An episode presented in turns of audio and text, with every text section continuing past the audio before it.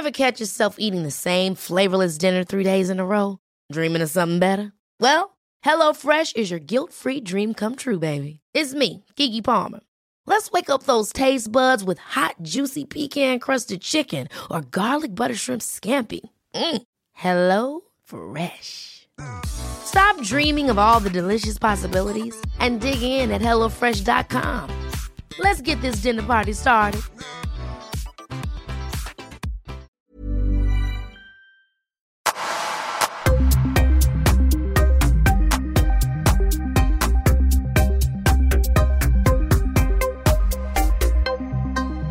Ali Samet, välkommen tillbaka till Öppet sinne. Eller egentligen är det första gången till Öppet sinne, men välkommen tillbaka till min podd. Ja, tackar så mycket.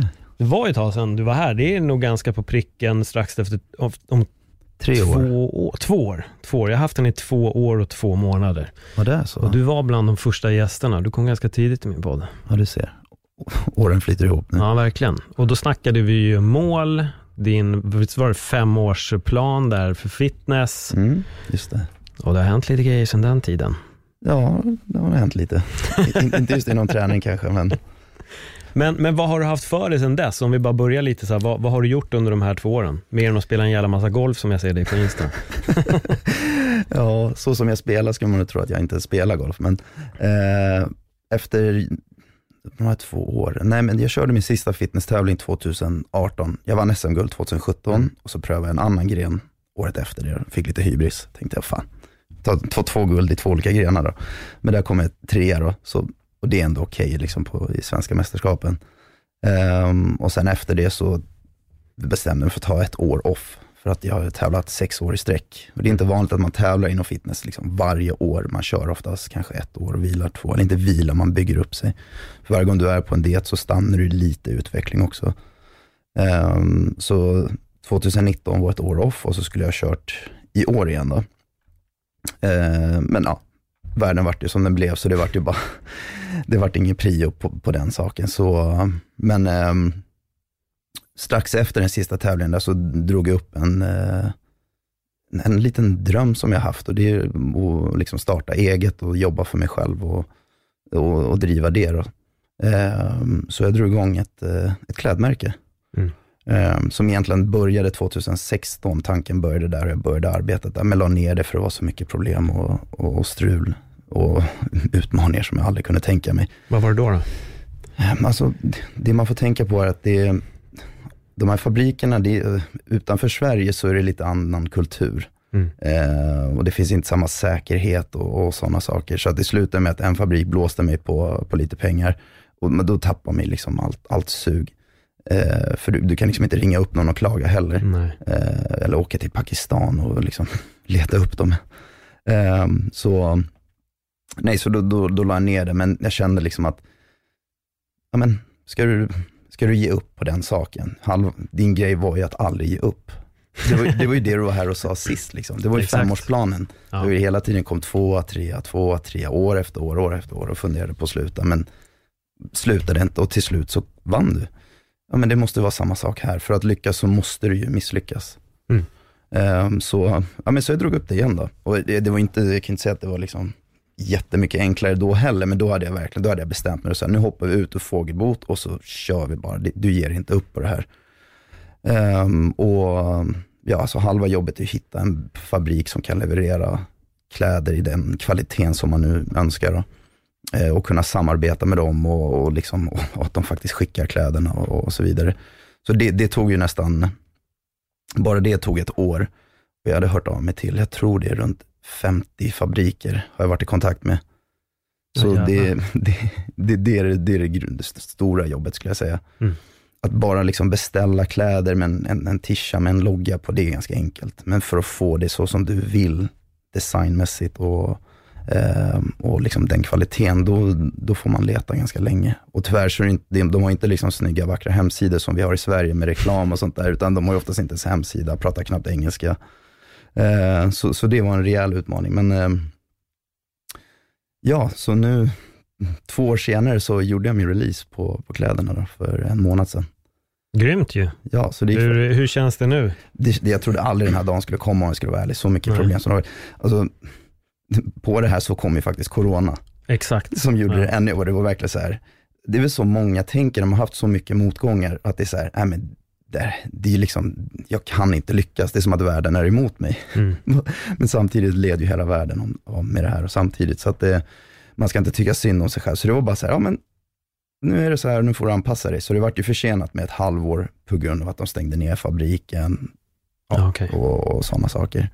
Eh, men nu är vi här och det känns fantastiskt och jag fick det som jag ville till slut. Och det var faktiskt en av liksom, kraven jag hade, liksom, att släpp inte något bara för att ha någonting släppt, utan stå på dig och se till att det blir som du hela alltid har sagt att det ska vara. vara. Hur, hur har responsen varit?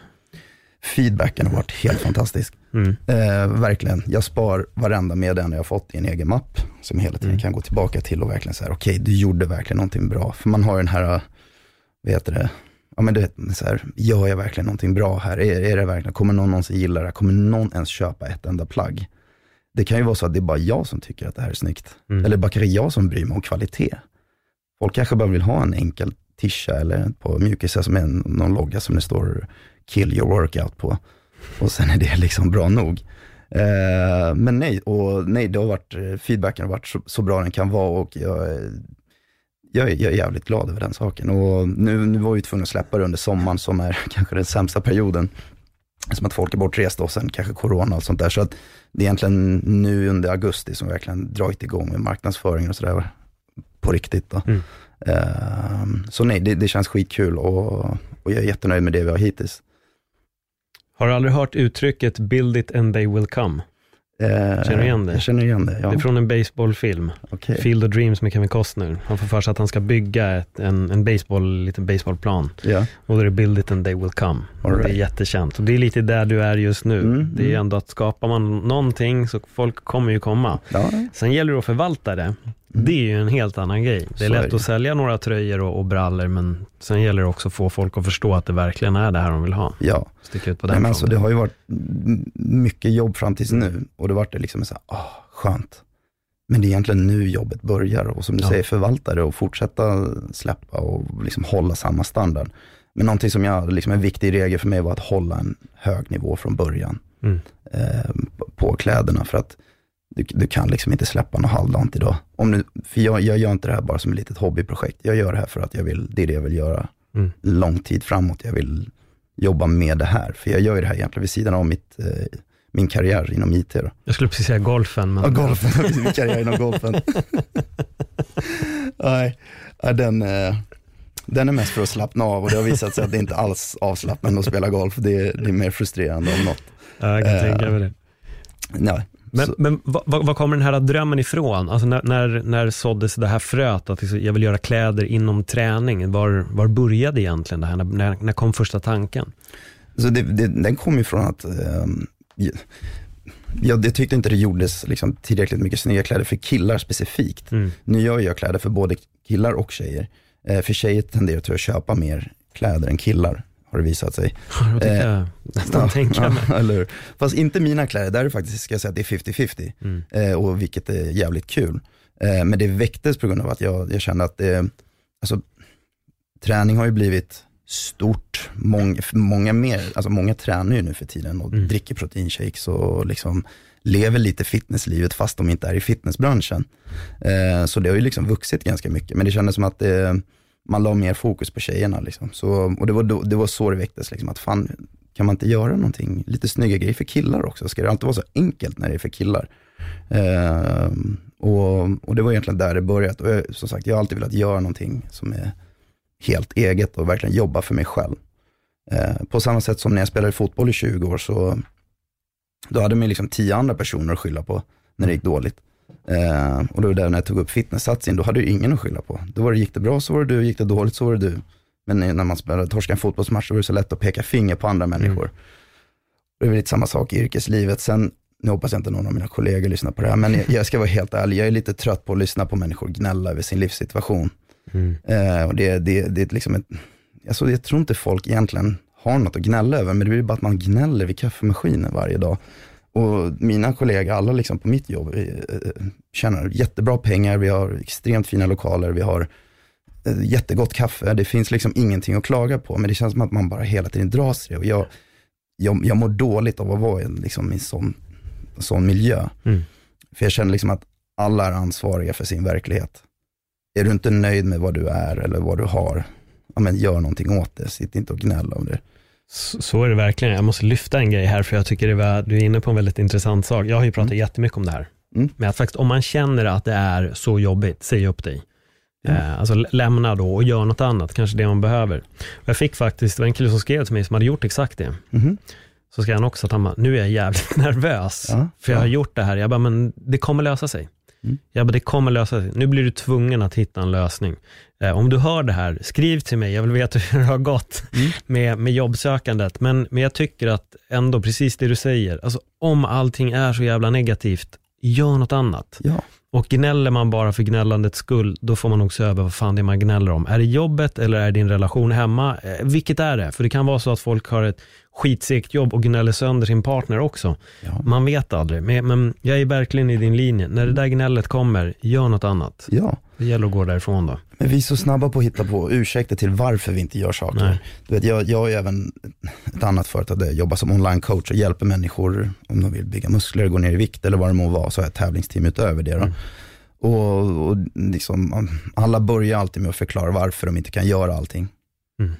Och ja, det, det, det, det, det, det säger bara att det kanske blir lite jobbigare för dig för att du kanske har barn eller ditt jobb är på det viset. Men du kan ju fortfarande uppnå resultatet. Du kanske bara måste jobba lite hårdare. Mm. Och som jag sa, jag tror du sa det sist när jag var här också, det är så här, vill du ligga på din dödsbädd och ångra att du inte gjorde vissa saker för att du inte hade de förutsättningarna. Ja, men jag är en invandrare så då kunde jag inte göra det, jag är en tjej, jag är det, jag är kort, jag hade inte de ekonomiska förutsättningarna, så det var ingen idé att göra det. Det är det så man vill leva sitt liv. Ja, men okej, det här är mina förutsättningar, då måste jag jobba så här hårt med den här saken. Men alla människor är garanterat någonting till sin fördel och då får man ju använda det också. Mm. Så att det säger liksom att alla ursäkter till att inte göra något är egentligen bara helt onödiga. Jo, det är jävla bara ursäkter. Ja. Det, det där hör jag hela tiden från folk. Det, det är alltid, jag kommer inte ihåg, ett dåligt exempel, men att den här personen behöver stretcha och ska, borde göra yoga. Nej, men den kommer inte hinna det på grund av, Mm. Nu ger du till och med ursäkter åt en annan människa, Mm. varför den inte kommer kunna och hinna. Det lustiga var att typ ett halvår senare upptäckte den här människan yoga och går på yoga hela tiden och kroppen har blivit mycket bättre. Ja. Men folk är jättesnabba på att komma med förklaringar till varför någonting inte ska gå. Mm. Och det, jag brukar säga det för att nu kommer du bara med ursäkter och då kan folk bli provocerade. Fast Ja. det är för att det är sant. Mm. Det är bara en jävla ursäkt. Se istället hur du kan göra. Antingen, jag, jag respekterar mer att någon säger, jag kan inte göra det här. Mm. Bara rakt av, det här kommer inte jag göra. Mm. Okej, men en förklaring till varför det inte går, det är bara en jävla ursäkt. Så är det. Men det, är- det, i slutändan så handlar det om hur, hur mycket man vill det. How bad Mm, you want it, eller hur? Ja. För vill du något tillräckligt mycket, då kommer du göra det. Mm. Så är det ju. Ehm, sen hade jag faktiskt en, en sak som jag skulle dra. Mm. Du får klippa det här. Nu står det still. Nu står det still. Det är bara att tänka, vi kommer tillbaka till den. Ja. Men det har ju med ursäkter att göra och det har ju med arbetsplatser och eh, saker som vi, vi hittar på, förklaringarna, våra, Ja, alltså, våra eviga ursäkter. Oftast är det, ju- kommer det ju från rädsla. Ja, För man, man vill inte, man, man ser inte the endgame, man ser inte resan dit. Mm. Man vet vad man vill åstadkomma. Så en grej är att du kanske inte vill. Du tror att du vill gå ner i vikt, du tror att du vill bli rik. Men är du inte vill göra jobbet, då vill du inte tillräckligt mycket. Mm. Ehm, och, och det är oftast på grund av rädsla. Men det är så här, kolla på allting man har gjort en gång. Det är så mycket lättare att göra det andra gången. Mm. Hemresan är alltid, känns mycket snabbare än dit. Mm. Av någon konstig anledning. Så att det handlar egentligen om att bara våga göra och våga misslyckas. För misslyckas du inte så kommer och det är också så här, det är som vi pratade om innan. Man Mm. kollar på alla som är framgångsrika så ser man bara när de står där och är framgångsrika. Man ser inte allt jobb fram, liksom bakom det och alla misslyckanden och all misär de har gått igenom för att vara där. Ehm, och jag tror det är viktigt att mm, fler liksom framgångsrika människor, var de än må vara framgångsrika inom, berättar för alla där ute att, Mm. Att misslyckas ingår, att vara rädd ingår, att ta risker ingår. Allt det här ingår i att bli framgångsrik i vad du nu vill, vill ta dig an. Liksom. absolut. Jag har haft skitmånga sådana där. Som Du vet ju, jag har hållit på med YouTube innan YouTube ens var populärt. Jag började podda redan 2011 innan poddandet var en grej. Alltså jag har många gånger gjort saker långt före min tid. Jag har varit på eh, stora möten med SVT och varit skitnära på att få in tv. Och det finns ett gäng motgångar. Men sen Ja. tror jag också att folk bara kan se helt plötsligt, shit, Paul sitter på Viaplay och kommenterar MMA och spelar en podd. Liksom. Fan, hur hamnar han där? Jo, Mm. men det är en lång kamp. Jag har kämpat sen jag, bokstavligen kämpat sen, sen jag var typ 26, 27. Men det tog mig tills jag var i princip 37 bast innan Mm. jag så här, nu nådde jag en, en punkt. Många motgångar, många, många. Men sen kan jag hålla med dig, jag, jag har tänkt precis det du säger om rädsla. Mm. Jag sa, vi har ju precis stått här och pratat i nästan 40 minuter om allting som vi har gjort innan vi ens har börjat podda. Ja. Och då berättade jag också det att jag, vill, jag har planer med min podd. Men det som slog mig här för någon vecka sedan, det var att jag tänkte, fan, jag har blivit lat.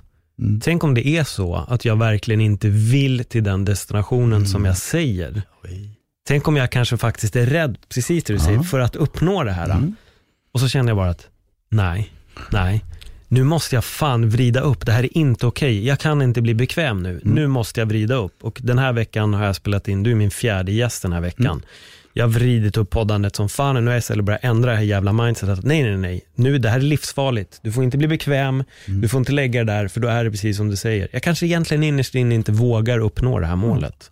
Och då gäller det att ändra på det mindsetet direkt. Verkligen, kul att du säger det, för exakt Ja. de tankarna kan jag också ha när jag känner att jag inte gör det som krävs, för det finns alltid mer att göra. Mm. Eh, och du verkar så, men har jag bara intalat mig att det här är någonting som jag verkligen vill? Mm. Sen är det så här, bara för att man ger sig in på en resa, man, det behöver inte vara resten av ens liv. Man kan göra en resa på 5-10 år, så kan man byta karriär eller göra någonting helt annat. Mm. Det är inget som hindrar en från det. Det behöver inte vara liksom för evigt om det på något sätt skrämmer en för att göra en, en stor insats för, för någonting som man vill göra just där och då. Mm. Vi blir äldre, vi mognar, vi vill andra saker och, och sådär. Och det är okej. Ja men så är det verkligen och jag tror att det är det där ibland att man, eller vissa kan sitta med en viss tanke om vad de vill, men det finns någonstans någonting som håller en tillbaka och det gör att man inte vågar gå hela Mm. vägen och då kan också de här ursäkterna komma. Ah, Mm. men jag jobbar ju så länge och det är jättesvårt och så är det det här och så är det det här och så är det det och så är det så. Okej, fast du vill ju inte det här. Mm. Jag, det, alla förklaringar är egentligen bara, jag vill inte, jag vill inte, jag vill inte, jag vill inte. Anledningarna råkar bara vara jävla konstiga grejer med att jag måste titta på tv-program eller jag vet fan vad det är. Mm. Men, men det är otäckt. Alltså den här, att, att göra det du gör nu eller det jag gör, det är på ett sätt jävligt otäckt för att mycket står på spel också. Ja, och det, jag ska säga att man är inte dålig om man har en massa ursäkter. Det är bara att man inte har vågat än. Nej. Är med? För nu kanske någon lyssnar på det och tänker, så, men jag är dålig, jag är liksom lite sämre för att jag, inte, att jag har ursäkter och sådär. Eh, men jag har också varit en sån. Mm. Jag är en så fortfarande i många situationer. Eh, och, och det är inte lätt. Så är det inte, men ofta så krävs det att, in, du vet vissa saker har människor trott är omöjligt. Som att springa milen under en viss tid, eller springa 100 meter under en viss tid, vad det nu må vara. Tills någon har gjort det. Och sen efter det har flera gjort det. Ja. Och därför är det bra att se att människor gör saker, för att så då tror man på att det faktiskt går, så man vågar göra det själv. Och det är därför det är bra att det finns sådana här plattformar som man kan liksom, Verkligen. liksom prata om det, så, så fler människor kan våga göra saker. Tycker kul att du nämner det där just med milen och 100 meter. Jag läste en bok som heter Flow, The Rise of Superman right? eh, av Steven Kotler. Då går han in på just det och jag tror att dels pratar han om det men han pratar också om skateboardande. Mhm. Att tricks som ansågs vara typ omöjliga, Mm. idag lär sig liksom barnen de tricken direkt för att alla vet liksom på detaljnivå hur det ska göras. Mm. Så det är som du säger, när du ser att det går, då kommer fler att härma, då börjar fler imitera. Men det är det också som är coolt med det forumet som ändå sitter i, podd, Instagram, allt det här, att det går att visa Mm. hur man gör och att det går. Och där tror jag också det blir väldigt häftigt för folk som till exempel, inte de som kanske började följa dig idag, men de som har följt dig länge, Mm. de ser din resa, att fan, här var en snubbe som satte upp en, ett mål, Mm.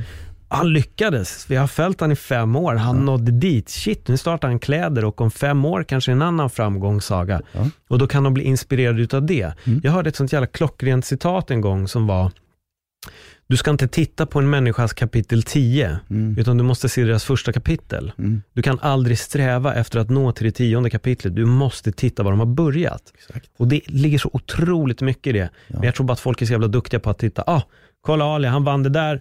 Kläder, shit. Jo, jo, men scrolla långt bak. Det finns över tusen inlägg här. Mm. Du kommer Så- se massa annat och det finns en resa och nu finns det också en möjlighet att, att prata om den och dela med sig av din, som dina motgångar. Fan, du hör av dig till 50 butiker som knappt har en hemsida och de kan knappt prata språket. Och, Ja. Det är en jävla kamp. Där måste jag fråga dig, för det glömde jag. Ja. Fanns det ingen som du kunde bolla de här idéerna med som själv har gjort kläder och som kunde peka dig lite i rätt riktning?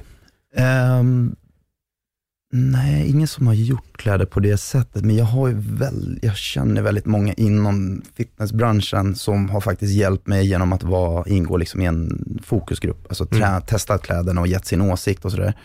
Eh, jag, alltså jag skickade faktiskt ut en enkät 2016 till kanske 50 personer, där jag skrivit upp en fråga, jag har kvar de dok- dokumenten, men, eh, och det är ganska kul när de ser idag att det faktiskt blev någonting av det, för de har ju Mm. garanterat glömt bort det. Så de kan ju skriva till mig och bara, åh jävlar, var det det du skickade en enkät till mig för fyra år sedan? Är det det här? Jag bara, ja, nu är vi här. We're alive. Ehm, nej, så jag, jag har inte haft hjälp på det sättet, men jag känner ju personer i branschen som kanske säljer Eh, jag är ju sponsrad av Gymgrossisten, så jag kan ju prata Mm. med de som jobbar där och fråga lite som vad, hur, liksom, hur, hur det ser ut, vad folk brukar köpa och, och sådana saker. Så då, på så sätt har jag fått, fått hjälp, men inte, nej, jag, jag, har, jag har läst böcker, jag har kollat på YouTube, jag har, eh, jag har lärt mig allt från scratch. Jag kan, jag kan sy numera, till den mån jag behöver kunna sy. Jag kan saker om tyger och liksom logotyper och sånt där som jag aldrig liksom hade hört talas om innan. Mm. Jag har lärt mig fotografering, jag har lärt mig liksom fotoredigering, eh, filmredigering, göra hemsidor. ehm, allt från scratch. Och det, visst, det hade varit enklare att bara betala någon för att göra alla de här sakerna, men fördelen med det är att man blir inte, man blir inte lat då. Är du Nej. med? För då, det, det kan lätt bli så att du bara betalar för det och så lär du ingenting och så blir det, liksom, lever du bara på det. Men när du gör någonting själv, då kan du verkligen se till att det blir så som du vill till att börja med. Och så lär du dig väldigt mycket under, under resans gång. Eh, som är jävligt viktigt, så har du kontroll på allting själv också. Det tar längre tid, det är lite därför det har tagit så lång tid också. Eh, men jag, jag tror det har varit väldigt, väldigt nyttigt. Hur mycket YouTube-tid har du? Det roliga är att alltså, min YouTube var ju någonting som man kollar på för underhållning. Eller Ja. alla, jag tror de flesta använder det för underhållning. Jag använder det uteslutande bara för information och personlig utveckling. Mm. Jag kollar för liksom personer som pratar aktier. Det kan vara liksom, ja, men, typ, folk som ja, men, tar in inspirerande människor på en podcast. Eller bara, ja, man lär sig liksom hur, det kan vara alltifrån hur kan du göra någons ögon lite vitare i Photoshop. Mm. Är du med? Och sitta och testa sig fram. Liksom. Jag tycker det är så coolt, för det är också något som jag har nämnt i podden flera, flera gånger. Alltså vi, vi kan fördumma vår hjärna med YouTube, men vi kan också utnyttja den till någonting Mm. helt otroligt. För jag vet att när jag gjorde Lättvikt, när vi började podda och vi gjorde hemsida och sånt, eller jag gjorde den, Mm. det var YouTube. Mm. Jag satt och lärde mig Wordpress genom YouTube, så här, trial and error, Mm. bara försök misslyckas, gör om. Och så det var hela tiden, jag tror det tog en vecka, till slut fick jag upp en hemsida, Mm. lyckades styra upp skitmycket. Jag känner igen det där jättemycket. Sen Ja. när du säger kolla på folk som snackar om aktier, gör det med på morgnarna. Ja, du. Jag sitter och käkar så kollar jag aktie, aktiesnack på YouTube. Men, men det är grymt, för det är verkligen någonting som jag tror att fler måste, så här, jag tror att det finns där, man fattar att det går, men så här, du kan lära dig så otroligt mycket genom att gå till rätt kanaler på YouTube. Ja. Man kanske ska skita i, jag kanske är fel här, men Jocke och Jonna, är det så de heter? Han heter väl Jocke, jag vet fan vad hon, vad, eller jag vet inte vad hon, tjejen heter. Ni vet säkert, kids där ute som Ja. är yngre än mig. Men det är inget fel om man vill titta på dem också, men man Nej. kanske inte ska spendera varenda YouTube-timme med att bara se det, utan Mm. det finns så jävla mycket mer. Alltså man kan lära sig hur mycket som helst genom Ja. YouTube. För, för hur tror du att din kläddröm hade varit idag i ett Sverige eller en värld, säger vi, utan internet och YouTube? Men jag hade inte ens kommit igång med det. Nej. Det- Så är det Nej, det, det finns, det är, det är betydligt enklare att lyssna på någon som pratar och visar samtidigt som de gör, än att kanske läsa en bok om Mm. det. Och det är lite så här, jag jobbar inom IT, då, då tror folk att man kan allt om datorer, så de tror att bara för att de berättar ett problem för mig så ska jag ha svaret, liksom bara top of my head. Men jag vet vart jag ska hitta informationen. Mm. Det är det det handlar om. Alltså att jag kommer behöva sätta mig ner, jag kommer behöva googla, jag kommer behöva youtuba och sen enligt en process reda ut vad problemet är och lösa det. Det är inte så att jag bara har alla svaren i huvudet för att jag kan datorer. Eh, så att ju, och börjar man i en ända, att man hittar någon inspirerande person som pratar om någonting, ja, men då får du oftast ett förslag åt någon annan och sen till slut så bygger man upp. Liksom. Jag har ju kataloger och spellistor som jag så här, nitiskt tar hand om och, och liksom kollar när det kommer nya avsnitt. Mm. Eh, och det, det, det grundar sig att jag vill så mycket. Jag vill lära mig, jag tycker det är intressant. Eh, så att eh, någon gång kan jag väl slå på lite sådana här typ eh, America's Got Talent eh, och bara kolla på lite lyckliga saker, bara få in lite feelgood i kroppen. Ja, liksom. Ibland behövs det också. Ehm, En balans. ja, ja, ja, verkligen. Eh, nej, så, så YouTube is your friend. Mm. Nej men verkligen, jag håller med dig till 100%. Jag vet inte hur mycket information jag har fått därigenom. Och sen ibland är jag också inne och slö, slötittar alla möjliga konstiga grejer där med, men eh, jag, jag tycker det är ett fantastiskt redskap. Senaste tiden har jag börjat gå in och titta mycket alltså filmsnack. Jag är ju filmnörd från grunden. Jag vill ju bli skådis och allt det där som du vet, så jag Mm. älskar att göra film. Men jag hittat riktiga sådana här masterclass-människor som kan bryta ner en scen eller ett manus, hur det är klippt, varför personer går in i bild på ett visst sätt. Där kan jag spendera timmar också, bara sitta och rånörda. Ja. Jag tycker det är så jävla intressant att lyssna på. Men har du ett riktigt masterclass-konto? Nej, det har jag inte. Det har jag. Är det så? Ja.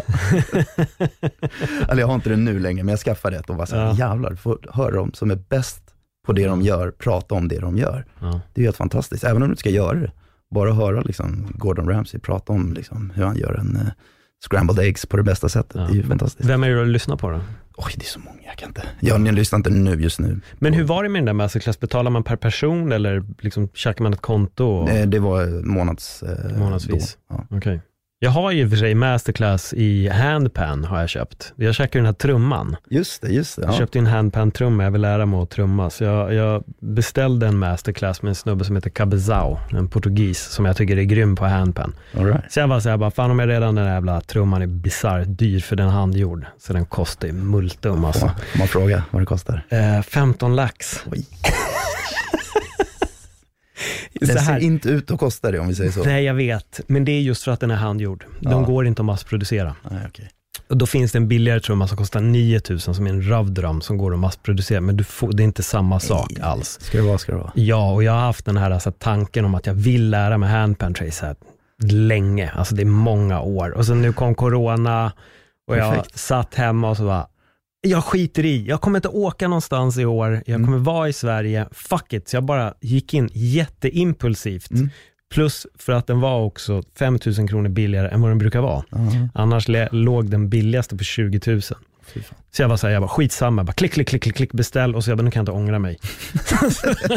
Det är en bra taktik. Ja, det var verkligen, och så jag, men det här med grej, jag ska lära mig det här nu. Och sen när jag fick hem den, jag bara, okej vad fan har jag gjort? Jag bara, det här är superkomplext. Men, eh, men den är där, det roliga var att det var en kille som gjorde en, en meme om mig när han har tagit ut Tiger King.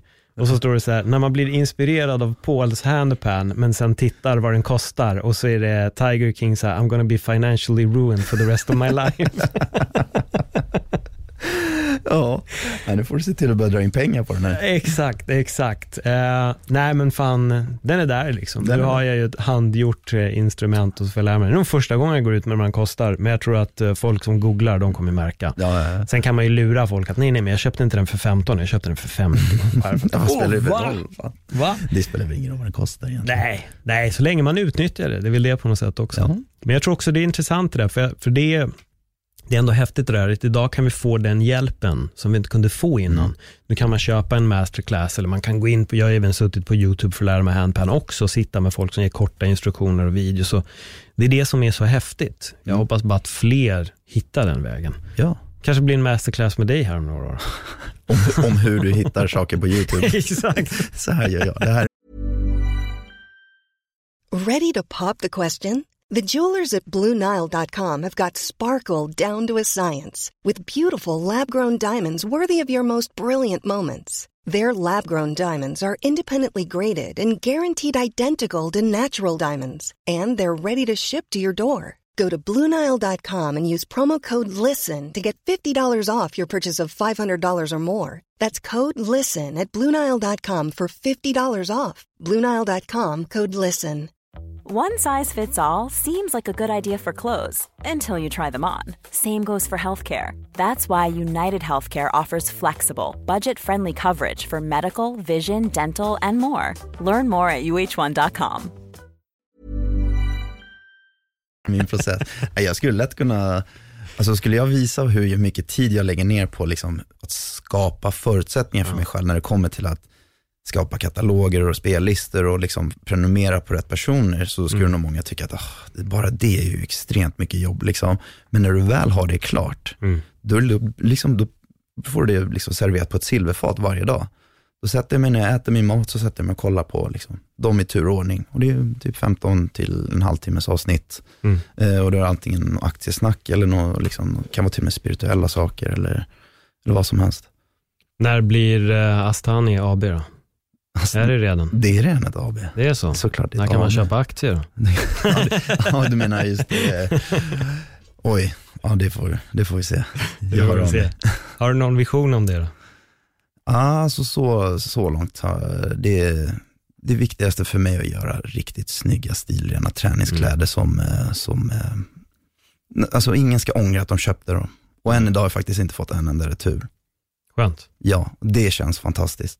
Alltså det, det är verkligen, det säger ganska mycket. Så att, eh, Mm. eh, och, då, och det, jag bygger upp det organiskt. Det, jag börjar liksom en kollektion och så kommer nästa kollektion och så bygger jag upp det så istället för att bara släppa liksom massor med olika kollektioner och så ska jag liksom välja med, all, med allt möjligt. Liksom. Så att, eh, för jag vill verkligen att varje liksom, plagg ska vara genomtänkt och det ska finnas liksom, en struktur. Jag är väldigt logiskt lagd så det är väldigt viktigt för mig att det finns en struktur och en tanke med allting. Eh, så nu är nästa kollektion på väg här nu snart. Så nu håller jag på fram och tillbaka med, med samples. Och fabriken är redan trötta på mig. de är så trötta på mig.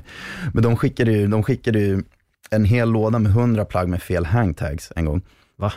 Så jag var tvungen att sitta och byta handtags på de här själv. Och det, Mm. det låter inte så jobbigt, men när du har jobbat liksom, alltså i princip dygnet runt, tre dagar i sträck för att sortera upp alla kläder liksom, som har kommit och så ska du behöva ändra hangtags på dem, då blir det så här jävligt frustrerande. Så när jag hör av mig till dem så säger han så han bara, ah, vad, vad, vad, hur, var det, var det, hur många kläder var det? Jag bara, det var en hel låda. Han bara, aha, så det var inte alla kläder?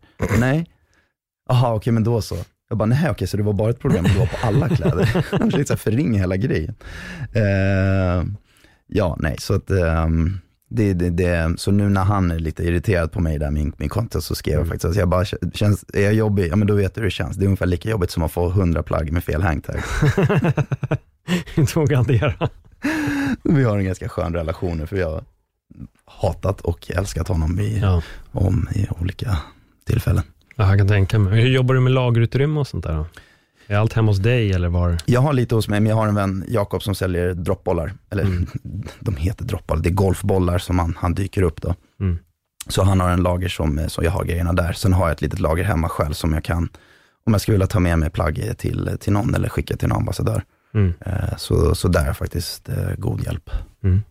Ja men fan vad skönt, för det är ändå en, det kommer ju bli ett kanske ett lyx större problem i framtiden. ja, ja. nej det är ju såklart, blir, blir det så stort att han inte kan hjälpa mig att hantera det så då kommer vi få ta in ett externt Mm. bolag och det är som sagt ett, ett lyxproblem då. Men just nu, hur sköter du allting? Är det du som sköter allting själv? Jag tänker liksom från att ta emot en beställning, att se till att beställningen kommer iväg. Är det du som fixar allt eller hur fungerar det? Vi, vi, vi hjälps åt där, så att ja, det kommer en beställning så antingen så, jag kan ju packa från mig också och skicka iväg dem. Mm. Eh, och, och de kan också göra det, så vi, man loggar bara in på samma system och så ser man beställningen. Eh, hämtar det som är beställt, stoppar in det i en snygg påse. Allt är ju designat liksom in i minsta detalj, så du har liksom ziplock-påsar som är frostade, du har snygga designade hangtags.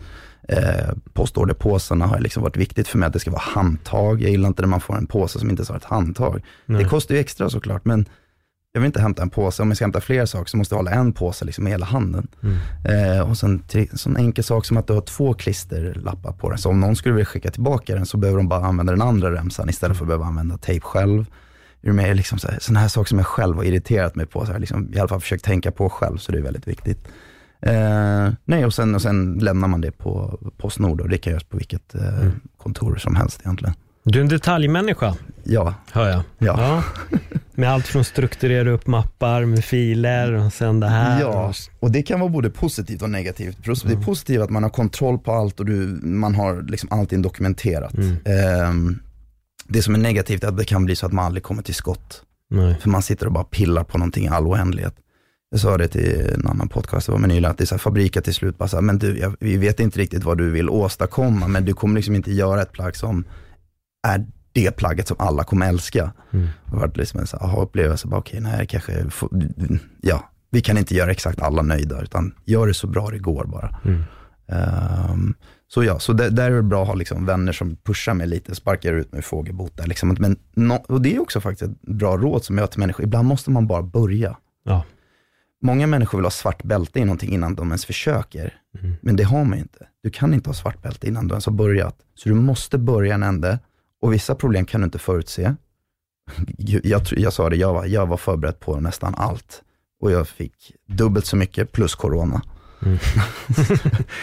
så det, det, är liksom, det går inte att förutse allting, men någonstans måste man bara börja och så får du bara lösa problemen under resans Mm. gång. För varje gång du löser ett problem så har du lärt dig någonting och så blir det lättare nästa gång. Så det är ett råd, alltså, att börja bara. Börja köra. Hur många har förklarat för dig att det inte kommer gå? All, jag skulle säga att nästan alla är övertygade att det här kommer gå jättebra. Jag Ja. tror jag är den som är minst övertygad. Och det är väl lite min liksom, imposter syndrome eh, grej där. Liksom Ja. att, eh, vem är jag? Liksom? Varför ska jag göra någonting bra? Medan alla andra är helt övertygade om att det här kommer gå jättebra. Mm. Sen är det en sån som kanske, jag har ju svårt att ja, men, ta komplimanger och liksom, sådana där saker. Det är någonting jag tränar på. Ehm, så ja, vi får se vem som har rätt. Ja. Jag gör allt för att bevisa att jag hade fel. Ja, men det är skönt i alla fall, för annars brukar det vara folk som kan, ja men du vet det är så mättad industri och så det, det kommer bli svårt liksom. Du Ja. har ju redan de här och de här och hur, hur kommer det sig att du ska själv, för det, är det, det, jag kan tänka mig att folk också kan vara så, men då är du ju omringad av jävligt sköna människor Ja, och det, som inte har den inställningen och det är ju superbra. Ja, verkligen. Nu när jag tänker efter, nästan alla mina människor, eller alla mina människor, alla mina vänner är ju, Mm. inte alla, men de är entreprenörer själva. Mm. Och, och de har väl säkert, liksom, när de började sin resa, var inte helt övertygade om att det skulle gå bra, eller det kanske inte var helt givet att den branschen ens är någonting att satsa på. Men det Mm. har visat sig, liksom, om, man, om du är resilient, liksom, att du, du håller ut i några år, så kommer det nästan alltid gå bra till slut. Mm. Om, om du gör någonting som du tycker om och gör det med kvalitet. Den som inte riktigt ville att jag skulle göra var min mamma. Men hon kommer ju lite från den generationen där man ska spara pengar på banken, du ska ha en Ja. utbildning och du vet den här traditionella som egentligen är lite utdött. Liksom. Mm. Eh, och då säger men du har ju en bra karriär, varför ska du chansa på det? Och så, här, men jag gör ju det här vid sidan av. Eh, så om, om jag nu skulle säga upp mig från mitt IT, så gör jag det när det här går så bra att jag kan leva på det. Så det är egentligen ingen risk på det sättet. Okej, risken är väl att jag ligger inne med alla mina livsbesparingar. Mm. Jag tog verkligen exakt allt jag hade sparat ihop och bara slängde in i det och sa, nu kör vi. Vet du vad, jag misslyckas hellre än att ligga där när jag är Mm. pensionär eller på min dödsbädd och ångra att jag inte ens försökte. Mm. Det, det är det värsta som kan hända. Att bli av med alla de här pengarna, det, det skulle jag säga är ett mindre misslyckande eller mindre besvikelse. Ja, det är ju det. Mm. Det finns ett, ett citat också som jag tycker är bra från Seneca. Det handlar om pengar kontra tid. Ja. Och då är det just att det är en person som bara bränner sina pengar och folk tycker att det är helt galet. Ja. Men då säger han istället att det är mer galet att bränna din tid. Mm. För pengarna kan du tjäna igen. Ja. Tiden får du aldrig tillbaka. Vad kul, för jag brukar säga så också. Ja, och det är det du gör här. ja. Du är i alla fall redo att offra dina pengar. För jag menar, hur gammal är du?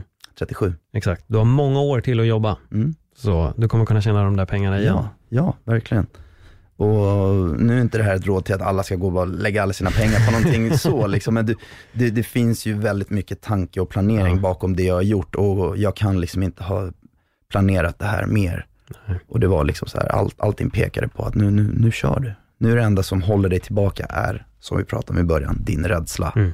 Din rädsla för att misslyckas, din rädsla om vad folk ska tro. Men vem är han? Var, varför ska han försöka? Men jag har ju legat ganska lågt kring det också. Jag vill inte att det här ska vara någon egotripp. Eh, alltså att det, alltså det heter det jag heter och sådana saker. Utan Mm. jag, märket ska bära sig själv. Och jag liksom i bakgrunden bara. Men nu är jag här och promotar det. Men Nu vet alla hemligheten. Vet alla, ja. Det är ditt. Men du sitter ju på en jävla kanal också. Jag tänker på, på Instagram. Det är mycket folk som följer dig. Många som just inom träning, plagget är träningsinriktat. Så det måste ju ändå vara en, alltså du har ju en bra start, ett bra försprång ska vi väl ändå säga jämfört med kanske någon som bara har 500 följare och känner jag ska starta ett klädesplagg. Ja, definitivt. Men återigen, det, det, det bestämmer ju bara hur hårt du behöver jobba. Ja. Eh, så det, det ska liksom inte hindra någon från att försöka för att man kanske inte har det följet. Då. För det finns de som är ännu mer följare som Mm. kanske inte försöker heller. Ja, det är en, det är en klar fördel att man har bra kontakter och att man, eh, människor litar på en och människor vill hjälpa en framförallt. Jag har jättemånga människor som har liksom ställt upp och mer än gärna inte ens, vill inte ens ha betalt för att hjälpa en marknadsföra kläderna, för de tycker om kläderna så mycket Mm. och de tycker om mig och de vill vara med på den här fantastiska resan. Och en grej är det här, jag har sagt att det är något jag verkligen behöver träna på, att det ska försöka, vi ska ha kul under den här resan också. Så alla ambassadörer och alla liksom anställda, vi ska ha kul. Vi ska hitta på saker, för att det, det finns inget slut på det. Det är, um, vad man säger, det är så här, uh, det är liksom, det är, lyckan är liksom infinite. Mm. Det finns liksom inget slut på det här, så det är bara att se till att njuta på, av resan. För att om jag tjänar en miljon, tio miljoner, om det handlar bara om pengar, det, då vill man bara ha mer. Det är som Mm. att följa när du har en tusen följare, då vill du ha två tusen följare. När du, alltså, alltså, det där tar aldrig slut. Nej, Så om du inte stannar upp och njuter av resan, då, då kommer du aldrig vara lycklig. jag såg det verkligen. För då går du bara vidare hela tiden. Mm. Så jag har faktiskt gjort en, eh, det var, det var faktiskt en grej jag identifierade tidigt också. Jag, jag gjorde en lista på milstolpar. Så skrev jag upp tio milstolpar. Och så skrev jag att efter var, varje tio uppnådda, när jag uppnått tio stycken milstolpar, så ska jag fira med mm, skumpa. Jag dricker inte så mycket alkohol, jag vet inte varför jag valde skumpa, jag borde valt någon mat.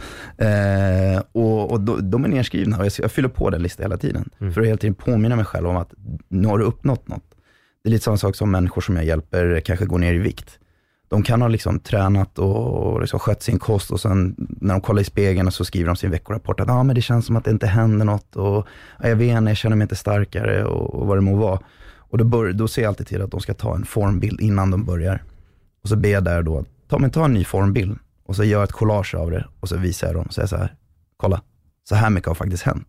Mm. Och det är lite det som är, inte problemet, men det är verkligheten, att när du lever det, så märker du inte skillnad, du märker inte att du gör någonting bra, du kanske inte ser att din kropp förändras, men när du jämför med var du började, så ser du verkligen den stora skillnaden. Och det är därför det är viktigt att, liksom att, att liksom, ja, men, fira även de små segrarna. Och sen har jag liksom en hel låda med kläder som varit jättedåliga, som jag verkligen skäms över. Jag kommer aldrig visa någon. Eller okej, okej, om det här verkligen blir riktigt bra så kommer jag visa någon. Men det är verkligen så här, oj vad tänkte du här? Det här är jättefult. Eller det vart inte bra alls. Men det är också kul att kolla på, för då vet jag var jag började någonstans. Liksom det, här, var din idé från början. Och det här är vad det slutade med. Så att onekligen har du lärt dig någonting i resan och du har liksom förbättrat det hela tiden. Men du jobbar ju med design och sånt själv? Ja. Designar helt själv? Ja, och det är så här, jag har ingen designbakgrund, men jag vet vad jag vill ha. Mm. Och då, då får jag lösa det. Ja, men då, då tar jag flera plagg och så åker jag över till en skräddare, en sömmerska och så sitter jag så köper jag hennes tid. Mm. Och så säger jag så här, nu sitter jag här med dig och så gör vi, syr vi ihop det här så som jag vill ha det. Så syr vi bara om den tills den blir som jag vill ha den. Ehm, och så skickar jag den prototypen till fabriken och så skickar de tillbaka en sample. Och ibland blir det inte som jag ville och då får vi göra om den ytterligare. Eller kanske ändra materialet eller lite tyngden på materialet eller flytta på loggan eller en annan typ av logga. Och hålla på tills man är nöjd. Mm. Och, och, och, och så mycket kanske inte de andra håller på, men det är för att jag, jag vill verkligen ha det på ett visst sätt. Detaljman. Detaljmannen, Det är ja. Eh, så, så det, det är liksom processen. Hade du varit rappare hade du hetat Ali Details. Ja, vem vet, kanske nästa karriär. ja, precis. Nej, men jag tycker också det är bra det här med milstolparna, att verkligen fira. Det är något som jag själv har anammat väldigt mycket, att fira. Jag, jag har kanske inte firat det på det sättet, men jag har börjat uppmärksamma väldigt mycket små detaljer. Mm. För jag var skitdålig på det förut. Mm. Jag firade aldrig någonting. Det var verkligen bara så här, ja, nu är det det och så det och så det och jag har gjort det här, ja, nu är det det och det och det och jag missade ju allt. Mm. Det var först så här, fem år senare jag tittade tillbaka och bara, oj vänta, jag sålde ut en teater med Boulevardteatern själv, 200 platser liksom. Aha, Ja. Oj, fan. Men jag firade det aldrig, utan det var bara, ja, men det är ju bara en föreställning. Ja. Det var ju mer det som var tanken istället för shit, jag uppnådde det. Fan Ja. vad bra jag är. Och det är viktigt att verkligen våga klappa sig själv på axeln och fira när man har gjort grejer, för annars blir man blind. ja, Då är man bara, man siktar bara mot destinationen och man glömmer resan helt. verkligen. Tänk om du håller på så här livet ut och bara konstant jagar någonting bättre. Mm. Men aldrig firar någonting, aldrig är nöjd med vad du har åstadkommit. Och det är en ganska viktig grej. Alltså jag, jag brukar säga det till mina vänner, alltså om en, en vän hör av sig och säger att han slog cellrekord en månad, Mm. då brukar jag vara lite drivande i att vi ska fira det extra mycket. Mm. Är med? Jag tror det är viktigt att alla ska hjälpa sina vänner också. Att när någon berättar någon positiv nyhet som de kanske är lite glada över men inte vågar skryta eller något sådär. Men överdriv hur glad du är för den personen. Mm. Det är en riktig vän det. Mm. Ja men det är verkligen det. Så Det det är är, det. en uppmaning till alla människor där ute. Jag tror också det är viktigt att se varandras bedrifter, uppmuntra varandra på det sättet. Istället för att kanske vissa stör sig på att det kanske går bra för vissa och så vidare. Det är bättre att Mm. uppmuntra. Ja, Det tyvärr. jag är väldigt det viktigt. Ja. Har du någon speciell inspiration inom just det här? När du tittar på YouTube, är det någon speciell människa som du kanske söker till lite mer för att du tycker att fan här får jag verkligen visdomar serverade? Rent allmänt, Mm. eh, nej, ingen specifik person så. Det finns ju människor som har liknande poddar som dig. Mm. Det var alltså Joe Rogan såklart, London Real. Mm. Eh, åh, nu kommer jag inte ihåg vad de heter, det är någon Cynic någonting heter han. Simon Sinek va? Ja, The ja. Why. Ja, The, ja, it starts with why tror jag det är, mm. var, varför man gör en sak. Precis. Han, eh, och sådana, och då, mm. de bjuder in ganska, jag gillar att de bjuder in gäster och pratar lite of, ofiltrerat ibland också. Mm. Och man får veta hur det egentligen är. Mm. För vi är liksom uppväxta under liksom, liksom radio och tv som är väldigt filtrerat på ett sätt. Ja. Du vet, det var ju förkrossande för mig när jag insåg att Sylvester Stallone faktiskt tog steroider. man fattar inte det då, nu är det så jävla givet. Ja. Eh, och man har ju konstant varit lurad liksom. Men numera när man liksom bjuder in kändisar, vad det må vara, då berättar de bara hur det faktiskt är. Ja. Eh, och, och, det är ganska skönt och befriande på något sätt. Jag tror människor uppskattar det. Så även när jag har varit med i podcaster, så då brukar jag få höra liksom att, men vad skönt att höra någon faktiskt berätta om hur det är och inte alltid mm. försöka sälja in någonting, sälja in en dröm. Liksom. Mm. Ja, men jag tror det är då just det här formatet, att kunna sitta länge och prata. Jag tror många gånger i tv så är det så här, men här har vi Sylvester Stallone, fem minuter, berätta om en häftig grej från Rambo 2 nu. Ja. Och så kommer det någon, någon story, men nu med poddar och sånt så får vi möjlighet till de här långa mm. konversationerna. Och det händer ju något där, det är någonting som kommer fram, det är ofiltrerat, det är oftast oklippt också. Eh, och då, då händer ju någonting. Mm. Det är en liten magi som kommer fram och människorna kommer ju fram i det. Ja. Jag tycker vi fick fram det väldigt bra i, din, i första gången du var här också, när det handlade verkligen om att sätta mål och, mm. och nå någonstans. Det var väldigt bra respons på podden som du var med i. Okay, cool. många, som, många som gillar den. Och nu är det liksom i så här etapp två. Ja. Nu har du gått vidare, nu är det ett nytt projekt och det är alltid kul. Det är väldigt inspirerande med människor som vågar, mm. vågar ta det klivet. Ja, det, det var ju faktiskt en grej. Det, man, det är typ som en post-athlete syndrome, liksom, mm. att när du har uppnått någonting. Nu vann jag mitt SM-guld och så var det så här, okej okay, men nu ska jag ta ett break och då, då, då infinner sig liksom en, en tomhet på något mm. sätt som man bara säger, jaha men nu då? Nu har jag inget syfte längre. Ja men jag har ett jobb att gå till. Men du vet när du har brunnit för något så länge att du ska bli bäst i Sverige i en sport och du försöker under så lång tid. Och sen när du väl uppnår det, efter det så blir det faktiskt så här, jaha, nu då? Det är inte så att man går runt och bara, oh, jag är svensk mästare, jag är bäst i Sverige och man mår bra hela tiden. Så är det inte. Man bara släpper och vi bara, okej, okay, men vad är det nu som gäller? Nu går vi vidare. Eh, men jag kände liksom att jag behövde en utmaning på, på en annan nivå för att det, man behöver bara så många plastpokaler. Alltså det, de, det, blir, det kommer liksom inte, jag kommer inte kunna hålla på med det livet ut heller. Så att, då vill jag ha något som jag faktiskt kan hålla på med livet ut.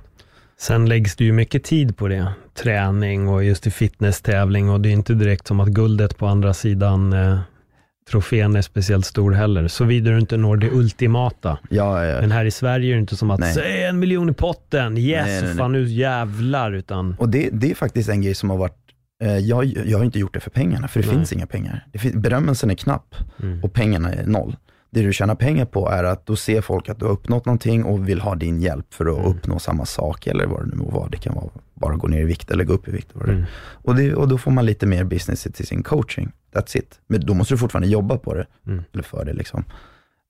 Um, så så min, min drivkraft var att jag, jag vill kunna säga att jag har varit bäst i Sverige i någon sport. Jag har idrottat hela mm. mitt liv men liksom, och vunnit turneringar i fotboll och vad det må vara. Men det är, liksom, det är ingen som vet vad den turneringen är. Liksom. Men alla kan veta, om man har varit bäst i Sverige i en sport, mm. då behöver du inte ens veta vad det är för sport. Du vet bara att han var bäst i det.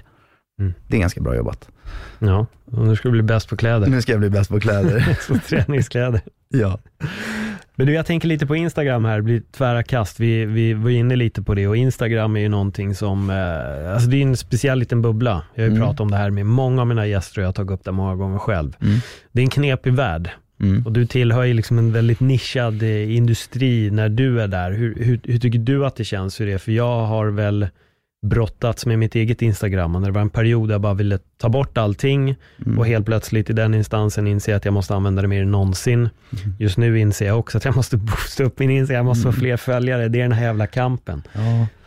Det, när man uppnår en viss nivå med sin Instagram och det tar många år också, många mm. tittar ju på det liksom och tänker så här, ah, men jag vill också få gratis Nocco. men ja, men det är liksom lite läsk. Det är, mm. jag hade hellre fått en lön. Eh, men, och då tror man att man bara behöver dyka upp, alltså gå och träna lite och ha ett konto så får man det. Nej, det är så mycket jobb bakom det att det, liksom, det är egentligen inte värt mödan om jag ska vara ärlig. Men nu när man är där så, så såklart det är bra. Eh, men man, jag slits ju hela tiden mellan vem jag faktiskt är och vad följarna, publiken vill se. Och lägger man upp något som får mycket likes eller mycket visningar, då blir det liksom, det är som, men som en drog, liksom, dopaminet, liksom, bara, åh, okej, okej, det, här, det här gillar folk och det är mycket likes, åh, det är nice, det är trevligt. Eh, men sen vill du kanske visa lite vem du är också, vem, gör, du gör andra saker än att lyfta tunga vikter. Ja, men då får du inga likes på det. Det är som att publiken säger, ja, ja, kul att du har ett liv utöver din träning, men vi vill se mer muskler. Liksom. Mm. Eh, och och då, då blir man liksom så här, då blir man en produkt av vad publiken vill se till slut. Alltså att de dirigerar ens liv och vad man liksom visar på sin Instagram. Och där måste man nästan ta ett beslut och bara släppa hela den saken. Att det spelar ingen roll om jag får eh, få likes på den här bilden. Det, du kan ta ett tjej som, en tjej som exempel, om hon liksom har varit tränat i fitness och lägger ut bilder, får jättemycket, så får hon barn och kanske lägger upp ett bild på sitt barn. Får ju knappt några likes. Mm. Och det är liksom så här, ja okej, okay, ska jag sluta lägga ut bilder på mitt barn? Eller, ja, så det, det, någonstans måste man ju bestämma lite vad man var. Och det, anledningen till att vi pratade om det här var att jag sa att om man, om jag kanske skulle vilja träffa en tjej, så om hon går in på mitt konto så ser hon bara massa magrutor och muskler och tänker, ja men det här är bara ett gymmongo. och nej, det är inte sån jag vill träffa. Och då, å andra sidan så försöker jag visa att jag är, mm. jag gör faktiskt mer saker än att bara gå, gå till gymmet. Men då svarar följarna med att inte lajka det för att det är inte lika, det är inte den målgruppen som jag har just nu. Hur jobbar du i den balansakten då? I, det där, jag märker det själv, ibland om jag lägger upp någonting så är det liksom noll likes, även fast mm. det kanske är en skitbra bild på något. Men mm. sen en kass selfie med mobilen bara liksom 300 likes. Mm. Alltså det är det som är så jävla snurrigt också.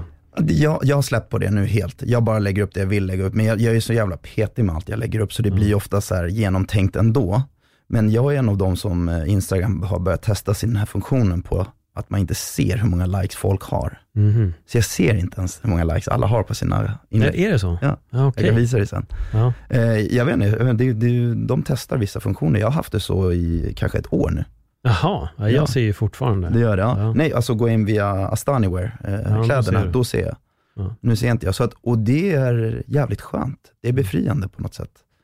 För det blir, alltså det är lika bra att erkänna det. Alla gillar likes och det, det, man blir glad av det och man mår bra och man är inne och kollar hela tiden. Och jag vill inte vara en slav till, till min mobil och till min Instagram, men man är det ändå. Liksom. Mm.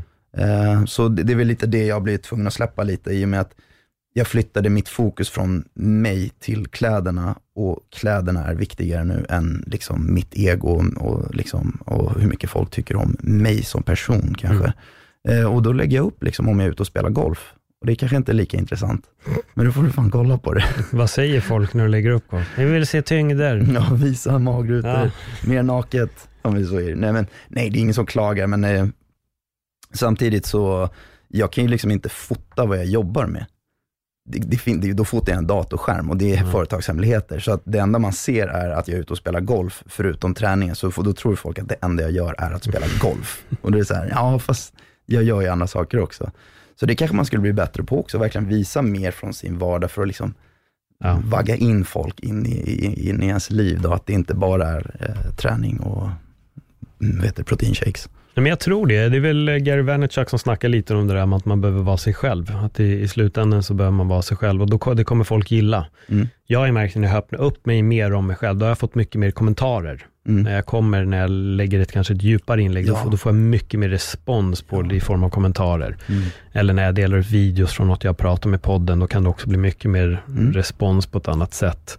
Men det är en, det jag håller med det är en jävla balansakt alltså. Det, ja. är, det, är, det är svårt. Jag tror att för mig har det tagit tid att här, våga vara mig själv på sociala medier. Men mm. Sitter man med en podd som heter Öppet sinne och inte kan vara öppen själv, då, det, ja, ser, inte, det ser inte helt korrekt ut Nej. också. Vad är med den här hemliga jäveln som vill att alla ska öppna upp sig, men själv vet man ingenting om man. Aldrig någonsin. Ja, Nej men helt rätt och det är bra. Och jag tror, jag tror vi går lite åt det hållet, att människor uppskattar att man är sig själv och kanske mm. berättar om saker som man inte är bra på. Och inte bara hela tiden fronta vad man tog i knäböj eller hur mycket pengar man har, vilka fina ställen man äter på. Att man verkligen genuint visar och berättar om saker som man vill förbättra eller man tycker man är sämre på. Mm. Eh, och inte bara göra de här, gör det bara för uppmärksamhetens skull. För ibland dyker det upp trender på Instagram där man ska kanske visa att man har celluliter. Mm. Och för att visa liksom att alla tjejer har celluliter. Och det är jättebra, jag tror intentionen är faktiskt bra, men vi kan vara överens om att många gör det för att de vill ha uppmärksamhet. Mm. För du får det här, åh vad duktig du är som gör det. Nu ska jag återigen inte skita på alla som gör sådana saker, men eh, är du med på att ja, gör det inte bara ja. för uppmärksamheten, gör det genuint. Mm. För det, det lyser igenom, folk är inte dumma. Nej. Eh, och, och, ja, du har helt rätt. Ibland, om man skriver, om du lägger upp en bild och verkligen skriver något långt, liksom genuint, eller någon genuin text till det, så får man bättre respons. Mm. Eh, för folk ser igenom bullshit. De blir liksom, men nu försöker han sälja på med någonting här igen. Jag tror det med och jag tror att folk, är, folk törstar efter ärlighet, tror jag. Genuinitet. Ja. Ja. Folk vill se det, för att jag tror att folk är också, gillar photoshoppade bilder och mm. så vidare, men sen vill de också se den där bubblan spräckas. Ja. Och jag tror det är då det blir, åh, oh, äntligen, någon som vågar vara ärlig eller någon som vågar vara på mm. riktigt. Ja, men det är därför vi har den, eller de har den presidenten de har i USA. Han vinner ju på det. Folk har ja. tröttnat på all bullshit. Liksom. Och det, vi går åt det hållet. Um, så var, genuin, var genuina där ute. Ja, sen är frågan om en genuin Trump egentligen. Ja, nej, det vet vi inte, men det låter väldigt genuint så korkade grejer kan säga. Nej, det är galet hur det är där borta. Ali Samet, vi har nått vår ände hållplats här. Oj, vad fort det gick. Timmen eh, flyger bort när man eh, sitter och pratar om allt möjligt. Men, ja. men var hittar folk om dig, dina kläder och, och allt det här? Eh, kläderna heter Astani Wear. Mm. Sök på Astani så dyker det upp. På Instagram så det är astaniwear.com eller astaniwear på, på Instagram. Och jag heter Ali Iley Samet. Det mm. kommer mm. ingen komma ihåg. Sök på Ali Samet så dyker det upp någon vältränad kille där. Sen kan ni gå in på Ali Details på Spotify också. lyssna på min senaste låt. ja, lyssna på hans senaste hitsingel som heter OCD. det blir nästa gång vi pratar, ska vi prata om min OCD, herregud. Ja, precis. Ja, men nu har vi liksom avklarat så här. Vi, vi är inne på resa nummer två här nu och om eh, något år sätter vi oss igen och då mm. får vi se hur långt, eh, hur långt resan har gått här. Ja. Bara fortsätt kör, dundra på med, med milstolpar och kötta på. Jag följer dig i din karriär och det är bara skitspännande att hänga med på den resan. Tack kompis. Grymt. Supertack. In och följ Ali här. Glöm inte att dela det här på de fantastiska sociala medierna så att vi sprider det här fina samtalet. Tack för den här gången. Hej då.